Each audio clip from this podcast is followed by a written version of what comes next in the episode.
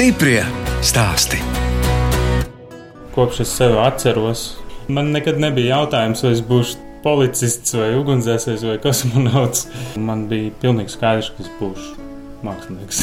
Mēs tādi esam piedzimuši, kad es nespēju dzīvot bez tā sava amata, keramika mākslinieks. Vai es tajā brīdī varu kaut ko nopelnīt vai nevaru, tas pat nav svarīgi. Tā ir vienkārši lieta, kas man nāk līdzi. Tā stāsta keramiķi Agnese Sunepa un Rūdis Petersons no Saldus.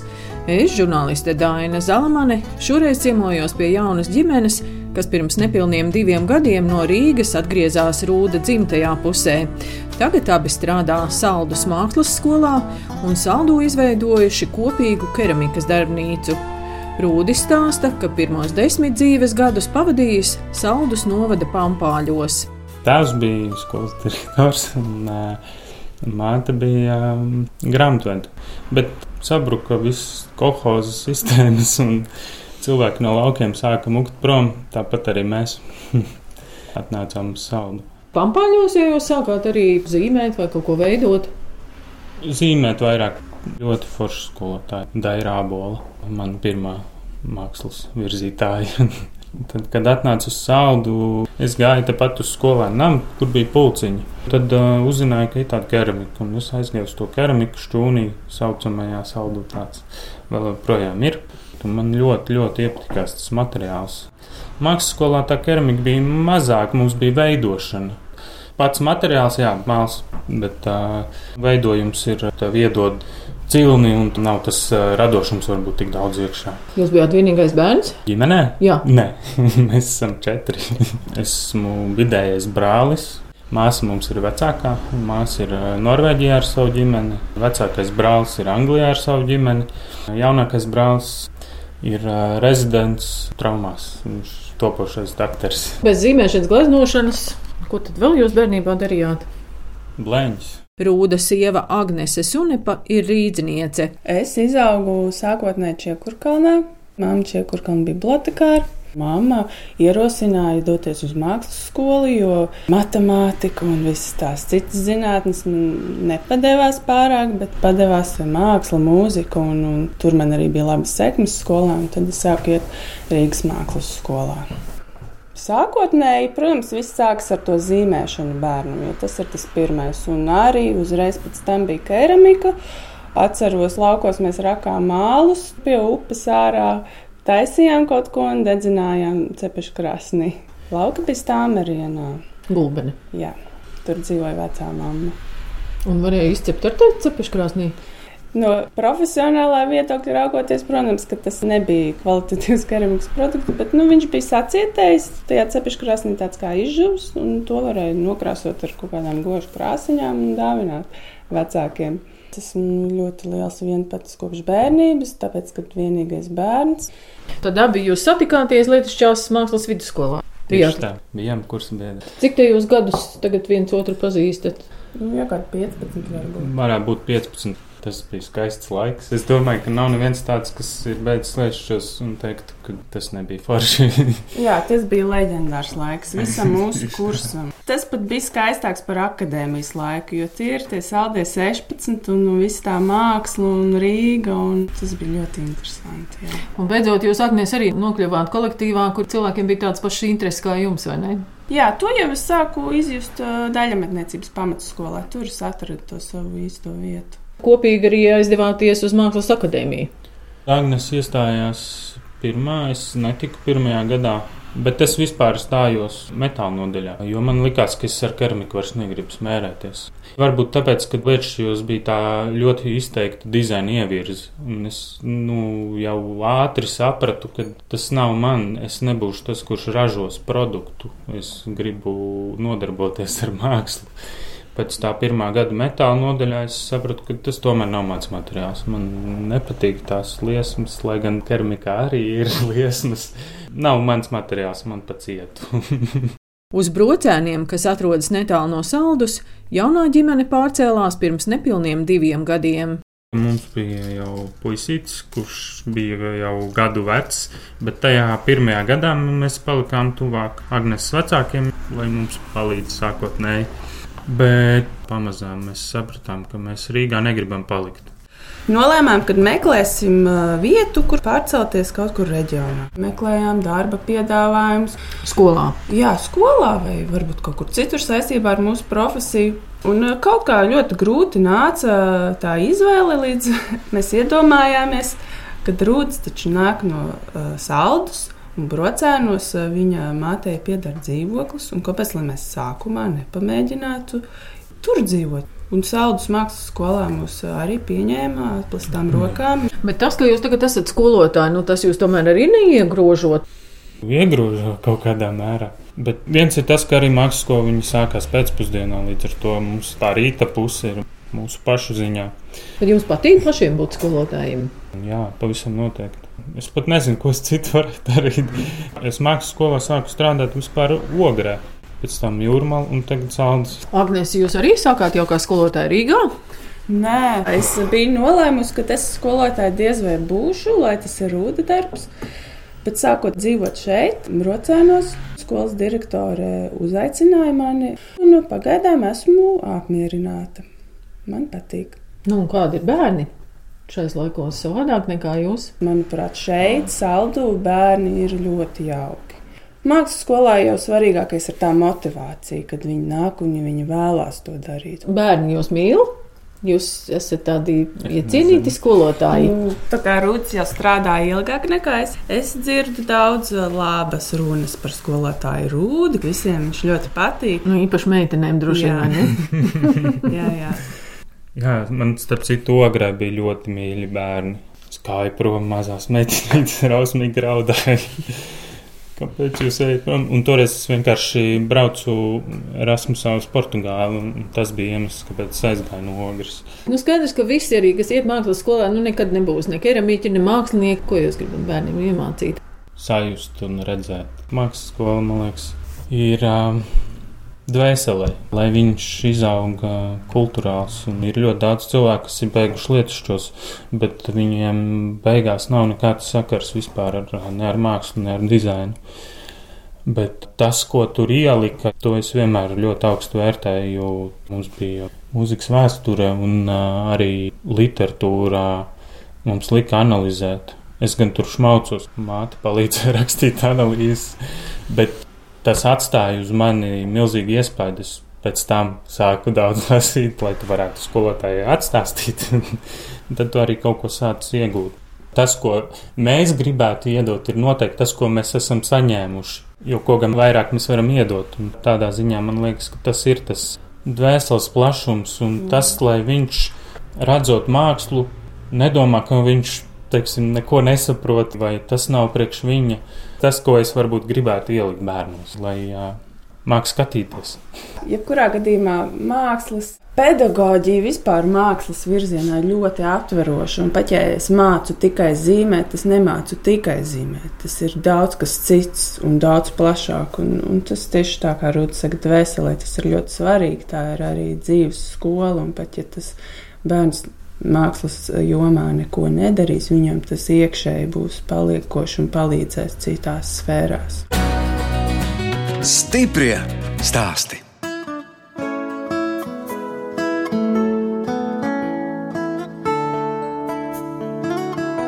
Jūs klausāties raidījumu stipri stāstī. Šoreiz ciemojos saldū pie jaunas keramiķu ģimenes, Agnese Sunepas un Rūda Petersona.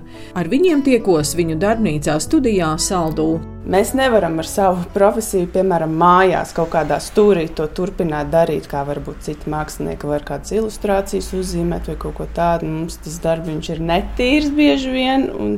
Mājās to izdarīt nevar, tāpēc ir vajadzīgs atsevišķs. Nu jā, vai grīda, kur ir flīzes, kur pēc jā. tam var to visu nomazgāt nost. Jā, jā, jā. Man gan jāatzīst, tad, kad es studēju maģistrantūrā. Es īrēju divas stāvu dzīvokli, un otrā istabā es biju savu darbnīcu iekārtojis. Toreiz dzīvoju viens pats. Tad, nu, tas bija tāds studiju maksimāls. Jā, bet tajā ir kaut kāda zināma romantika. bet izveidot darbnīcu, tur arī jau vajag kaut kādas tomēr uzņēmēja darbības prasmes.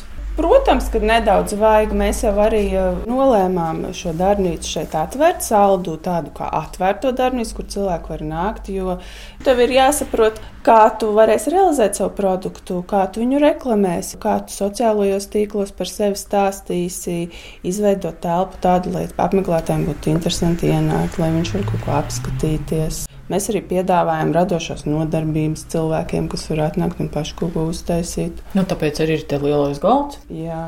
Nu, man personīgi darbnīca bija vienmēr tāds sapnis, kurš nu ir kaut kādā mērā piepildījies. Un, man varbūt ne tik daudz tur tā komerciālā puse. Man vienkārši vienmēr ir gribējies vietu, kur tu vari darīt to, ko tu gribi, kā tu gribi. Darbnīcā mēs šeit arī redzam, ka rūtīm tad ir tie lielās formas darbi. Mm -hmm. Jā. Šīs vāzes konkrēti top izstādē, kurai es gatavojos nu jau otro gadu. Izstāde man būs Rotko centrā, kur es minēju tādu iespēju piedaloties laikmatīgās keramikas izstādē. Un, tad es sāku pamazām jau gatavoties. Bet tās vāzes arī mēs varētu teikt, tās nav tādas tradicionālas. Ja tur tā forma ir drusku tāda greiza, jā, jā, jā. nepareiza. Teiksim, tā process ir svarīgs. Un, uh, tāda miedarbība ar uh, zemapziņu un apziņu arī apgleznošana notiek līdzīgi. Tur ir tā kā putns un zirgs. Tur ir viss, kas Loks. un, uh, man ļoti patīk simboli un simbolisms. Tas ir arī ļoti īpašs materiāls. Tas ir papīra porcelāns.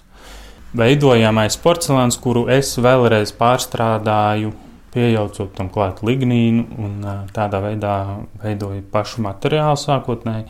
Tad es veidoju vāzes formu. Uh, Viņām iekšā arī daudz kas mēdz būt. Tad ir apgleznošanas process. Un arī tie šķīvi, tad jūs viņus izveidojat un arī apgleznojat. Jūs. Tieši tā, tieši tā. Man patīk seriālu vidi radīt.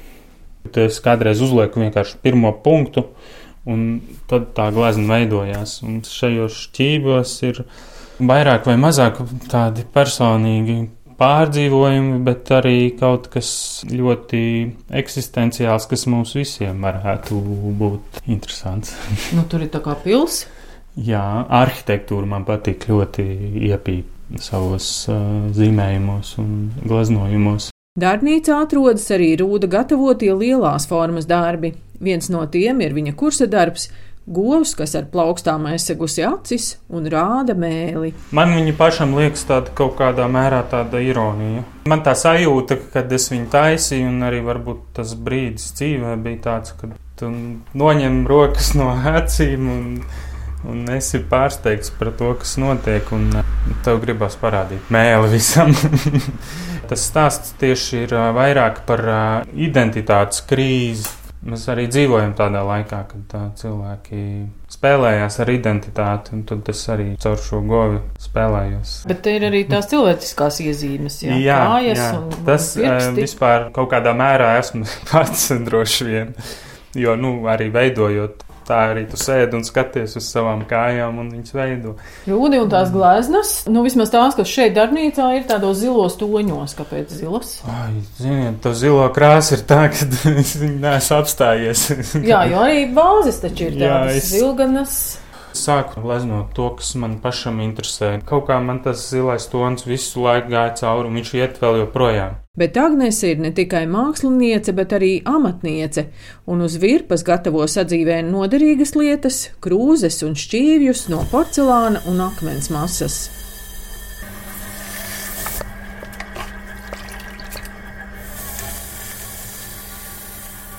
Cik bieži jums pašai iznāk laika piesēsties pie virpas? Rēt. Virpošana priekš manis ir tāda kā relaksācija, aizbraukt uz spā, kas divgadnieka mammai ir diezgan rēts pasākums. Virpojas tad, kad ir tiešām ekstra laiks, brīvs, tad es varu piesēsties. Un kas jums te pa tādiem aparātiem te visapkārt vēl stāv? Tas ir celtniecības fēns, ar to var pažāvēt keramiku, kamēr kaut kas tiek uzvirpots un ir pārāk slapjš, lai ātrāk tas process iet uz priekšu spaiņos stāv glazūras dažādas, tur man ir piedarumi rotām, tad ir tāds eh, dremelīts, ar kuru var noslīpēt eh, smalkas lietas. trauki, nededzināti, biskvitēti trauki. Biskvitēti trauki ir pirmais dedzinājums. Vispār keramikas trauks ir jāizdedzina divas vai trīs reizes. Pirmais dedzinājums ir tāds, kas nedaudz to trauku padara cietāku, lai varētu viņu pēc tam slīpēt, apstrādāt un noglazēt. Un tad liek vēlreiz krāsnī dedzināt. Un tā krāsniņa apdedzināmā tā ir jums diezgan neliela. Nevajag lielāku. Vajag lielāku. Mēs noteikti uz to iesim un ceram, ka tuvākajā nākotnē būs mums lielāka. Bet tā kā šobrīd arī ir visi citi darbi paralēli, tad tai darbnīcai tas laiks atliek tik, cik ir, un arī produkciju mēs saražojam ļoti nelielos apmēros, un līdz ar to pagaidām arī pietiek. Tā ir elektriskā. Mm -hmm. Tā jūs rakstījāt kaut kādu projektu, lai tiktu pie tādas krāsniņas. Nē, šāda veida krāsniņa arī neliela. Viņa nav tik dārga. To ir iespējams arī iegādāties un nedaudz sakrājot naudu. Lielākām krāsnīm vajadzētu, jā, varbūt kaut kādu atbalstu gūt. Es tad vairāk tādu tādus jau praktiskākus priekšmetus, varbūt tādas dizaina krūzītes, bludiņas, šķīvjus. Patīk arī ar zelta apdruku. Un cik interesanti, tā osiņa, tur tā kā tāda zeltīta sēnīte. Jā, tas ir arī šogad uh, jauns produkts. Sēnīšu krūzītes cilvēkiem ļoti patīk, viņi ļoti par viņām priecājās. Nu, arī tāda dabas motīva, tur gliemezītes un skuja. Jā, dabas motīvs man vienmēr ir jau kopš akadēmijas laikiem ļoti bijis īpašs. Arī visos mākslas darbos, kur ir radīti no keramikas, pārsvarā ir saistīts kaut kas ar dabu. Man patīk arī mazliet fantāzijas tēlus veidot, augus. Meža tematika ir ļoti būtiska. Nezinu, kāpēc tā ir izveidojies. Bet jums tur ir nu, tā bļodiņa, tā drusku nepareiza. Vispār, tad, kad strādā ar porcelānu, un ja tā nav rūpnīca, rokām taisīts porcelāns ļoti bieži sadeformēsies Daudz jau, kas ir iecienījuši jauno keramiķu darinājumus, viņiem tas ir normāli, viņiem tas pat patīk. Mēs strādājam ar porcelānu un akmens masu. Porcelāns un akmens masa ir keramikas materiāli, kas ir nedaudz augstvērtīgāki, izturīgāki, jo viņi ir dedzināmi uz augstākiem grādiem. Māls ir dedzināms uz 1000 eh, grādiem aptuveni, bet eh, porcelāns un akmens uz 1200 līdz 1300 grādiem. Tas uzreiz viņam maina to struktūru. Viņš ir um, blīvāks, izturīgāks, un arī krāsa un skaņa viņam arī atšķirās. Un droši vien, ka mums jāpiemina arī jūsu veidotās rotas lietas. Tas viss sākās Mākslas akadēmijas jarmarkas gada tirgu. Tad mēs varējām katrs students iesniegt kādu no saviem darbiņiem. Es biju sākusi vienā no darbiem veidot porcelāna ziediņus. Un tā tas man ir vēl joprojām iepins tajā rotu veidošanā, jo citreiz, kad pat uznāk tāds kā apnikums, nu jau ar katru gadu nedaudz mazākos apmēros, bet viņas stājas. Tas ir tāds jūsu zīmols, gāja. Ja? Jā, gāja ir zīmols, ar ko es sāku savu darbību, izveidoju zīmolu gāja. Tas ir atvasināts no zemes dievietes tieši saistībā ar rotām. Pēc tam es viņu nedaudz paplašināju, kad es arī taisu traukus un citus darbiņus. Jūs esat saimnieciskās darbības veicēji. Jā. Cik tas ir grūti vai sarežģīti? Runājot ar kolēģiem vai ar tādiem māksliniekiem, kas plāno tādi būt, daudzi saka, vai tas ir sarežģīti, grāmatvedība, nodokļi, bet patiesībā.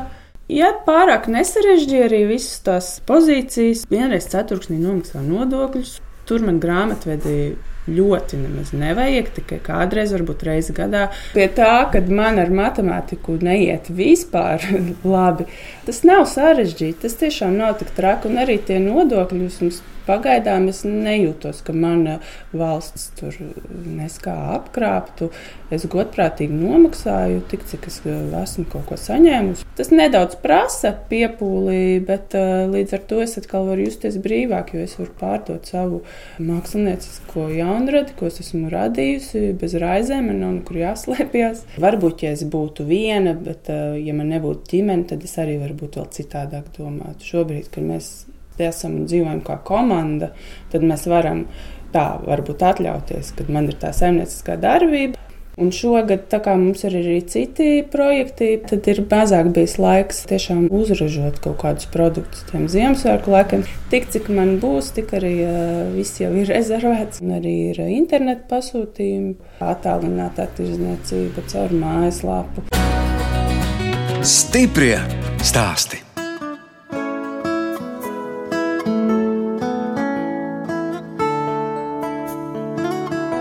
Jūs klausāties redzējuma stipri stāstī. Turpinu ciemoties saldū pie keramīķiem Agneses Sunepas un Rūda Petersona. Abi audzina divus gadus vecu dēliņu Otto. Mēs ļoti priecājamies un ļoti brīnamies, kas ir sanācis no šīs apvienības. Viņš ir, manuprāt, nu jau tagad ļoti talantīgs un ļoti gudrs puisīts mums aug. Un, Mēs arī cenšamies viņu mācīt un virzīt, eh, lai viņš pats eh, daudz ko iemācās. Viņš ir ļoti saimniecisks. Viņš atnāk šeit darbnīcā, tīra grīdu ar savu mazo slotiņu un arī kaut ko paveido. Un, uh, Viņš mums arī ļoti ātri sāka runāt, un tad visādas gudras frāzes vienmēr mums izsaka, un mums ir par ko pasmieties katru dienu. Un viņā arī var nojaust, ka ir kaut kādi talanti uz zīmēšanu, veidošanu. Kaut ko nu, viņš zina. Kā jau bērni zīmē, jā, protams. Jā. Vēl kaut kādus tur jā, jā, jā. Tur ir pilnīgi konkrētas lietas. Tur ir traktors, tur ir valis un haizivis.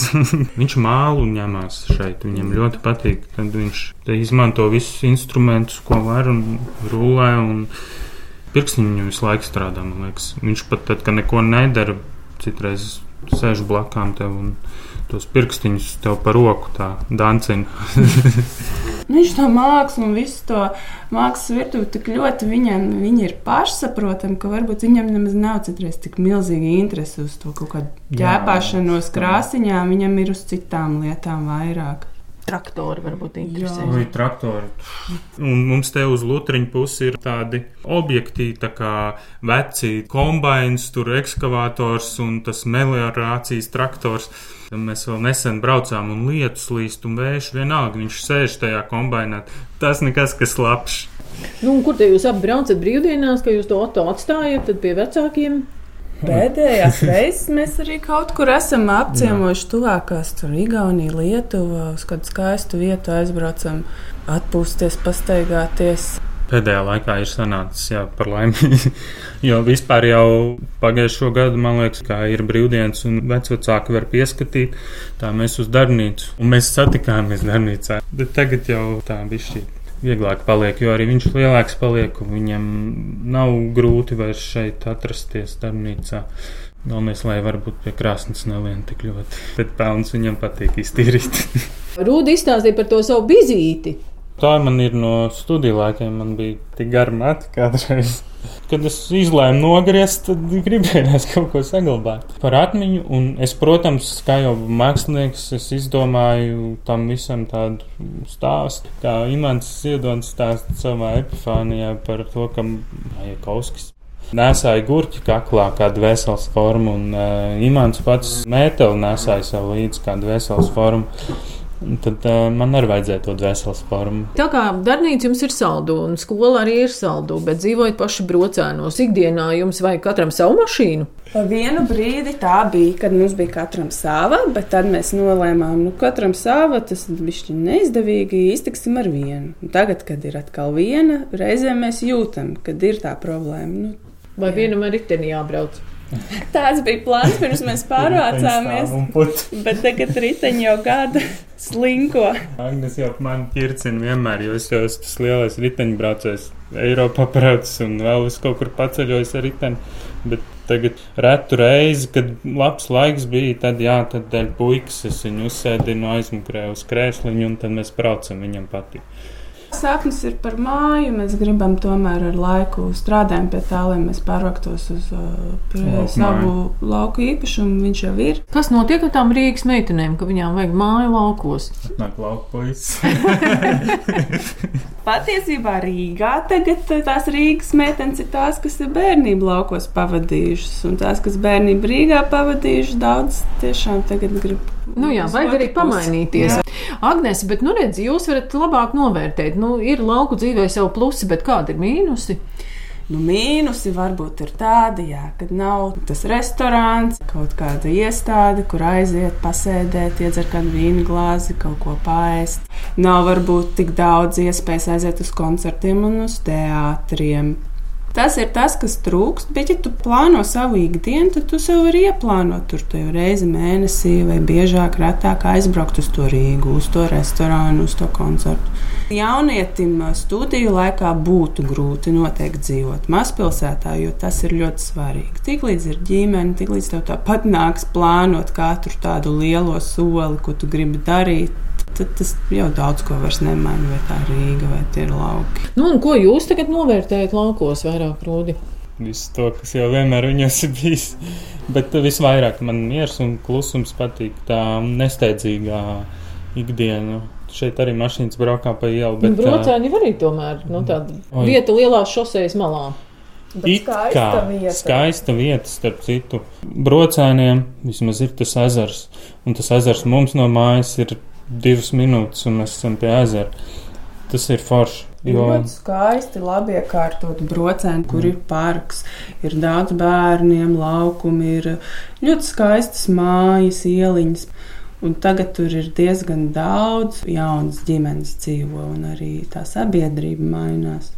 Un arī tā pati bodnīca pretī kultūras namām ir ļoti jauks. Māja ražotāja amatnieku veikaliņš. Jā, jā, ļoti patīkama vieta. Mums liekas ļoti skaisti. Un tas ezers vasarās ir vienkārši burvīgi. Un bērniem ir ko darīt, un pieaugušiem ir arī daudz aktivitātēm, sporta, atvēlētas vietas.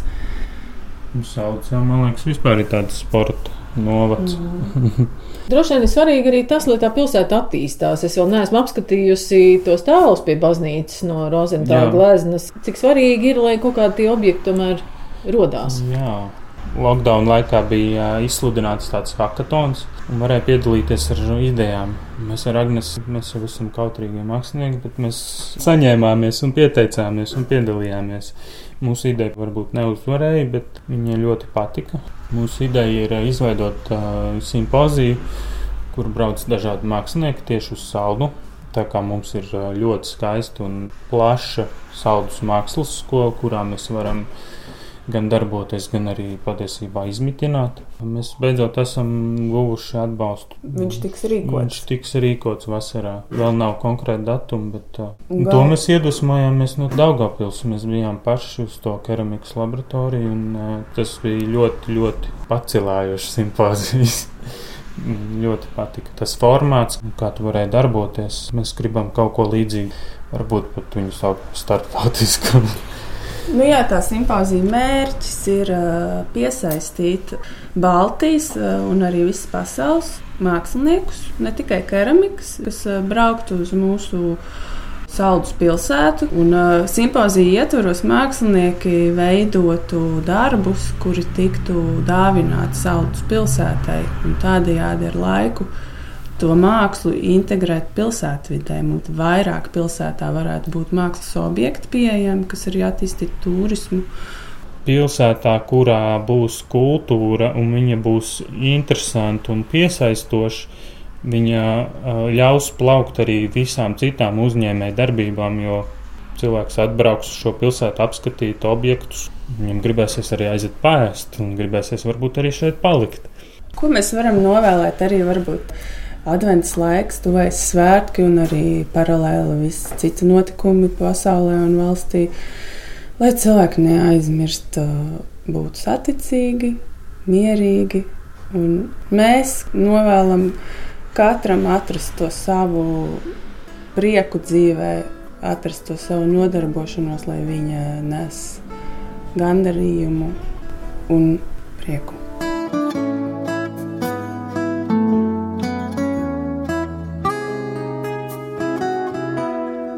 Radījums stipri stāsti izskan, un mēs atvadāmies no jaunas keramiķu ģimenes, Agneses Sunepas un Rūda Petersona, kas strādā Saldus mākslas skolā un saldu izveidojuši savu keramikas darbnīcu.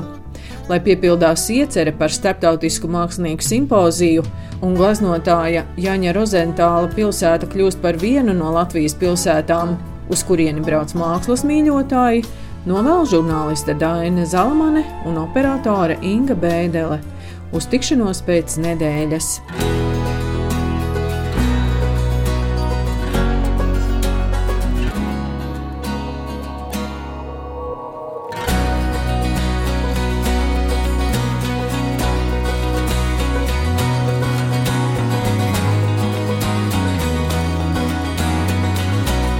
Stiprie stāstī!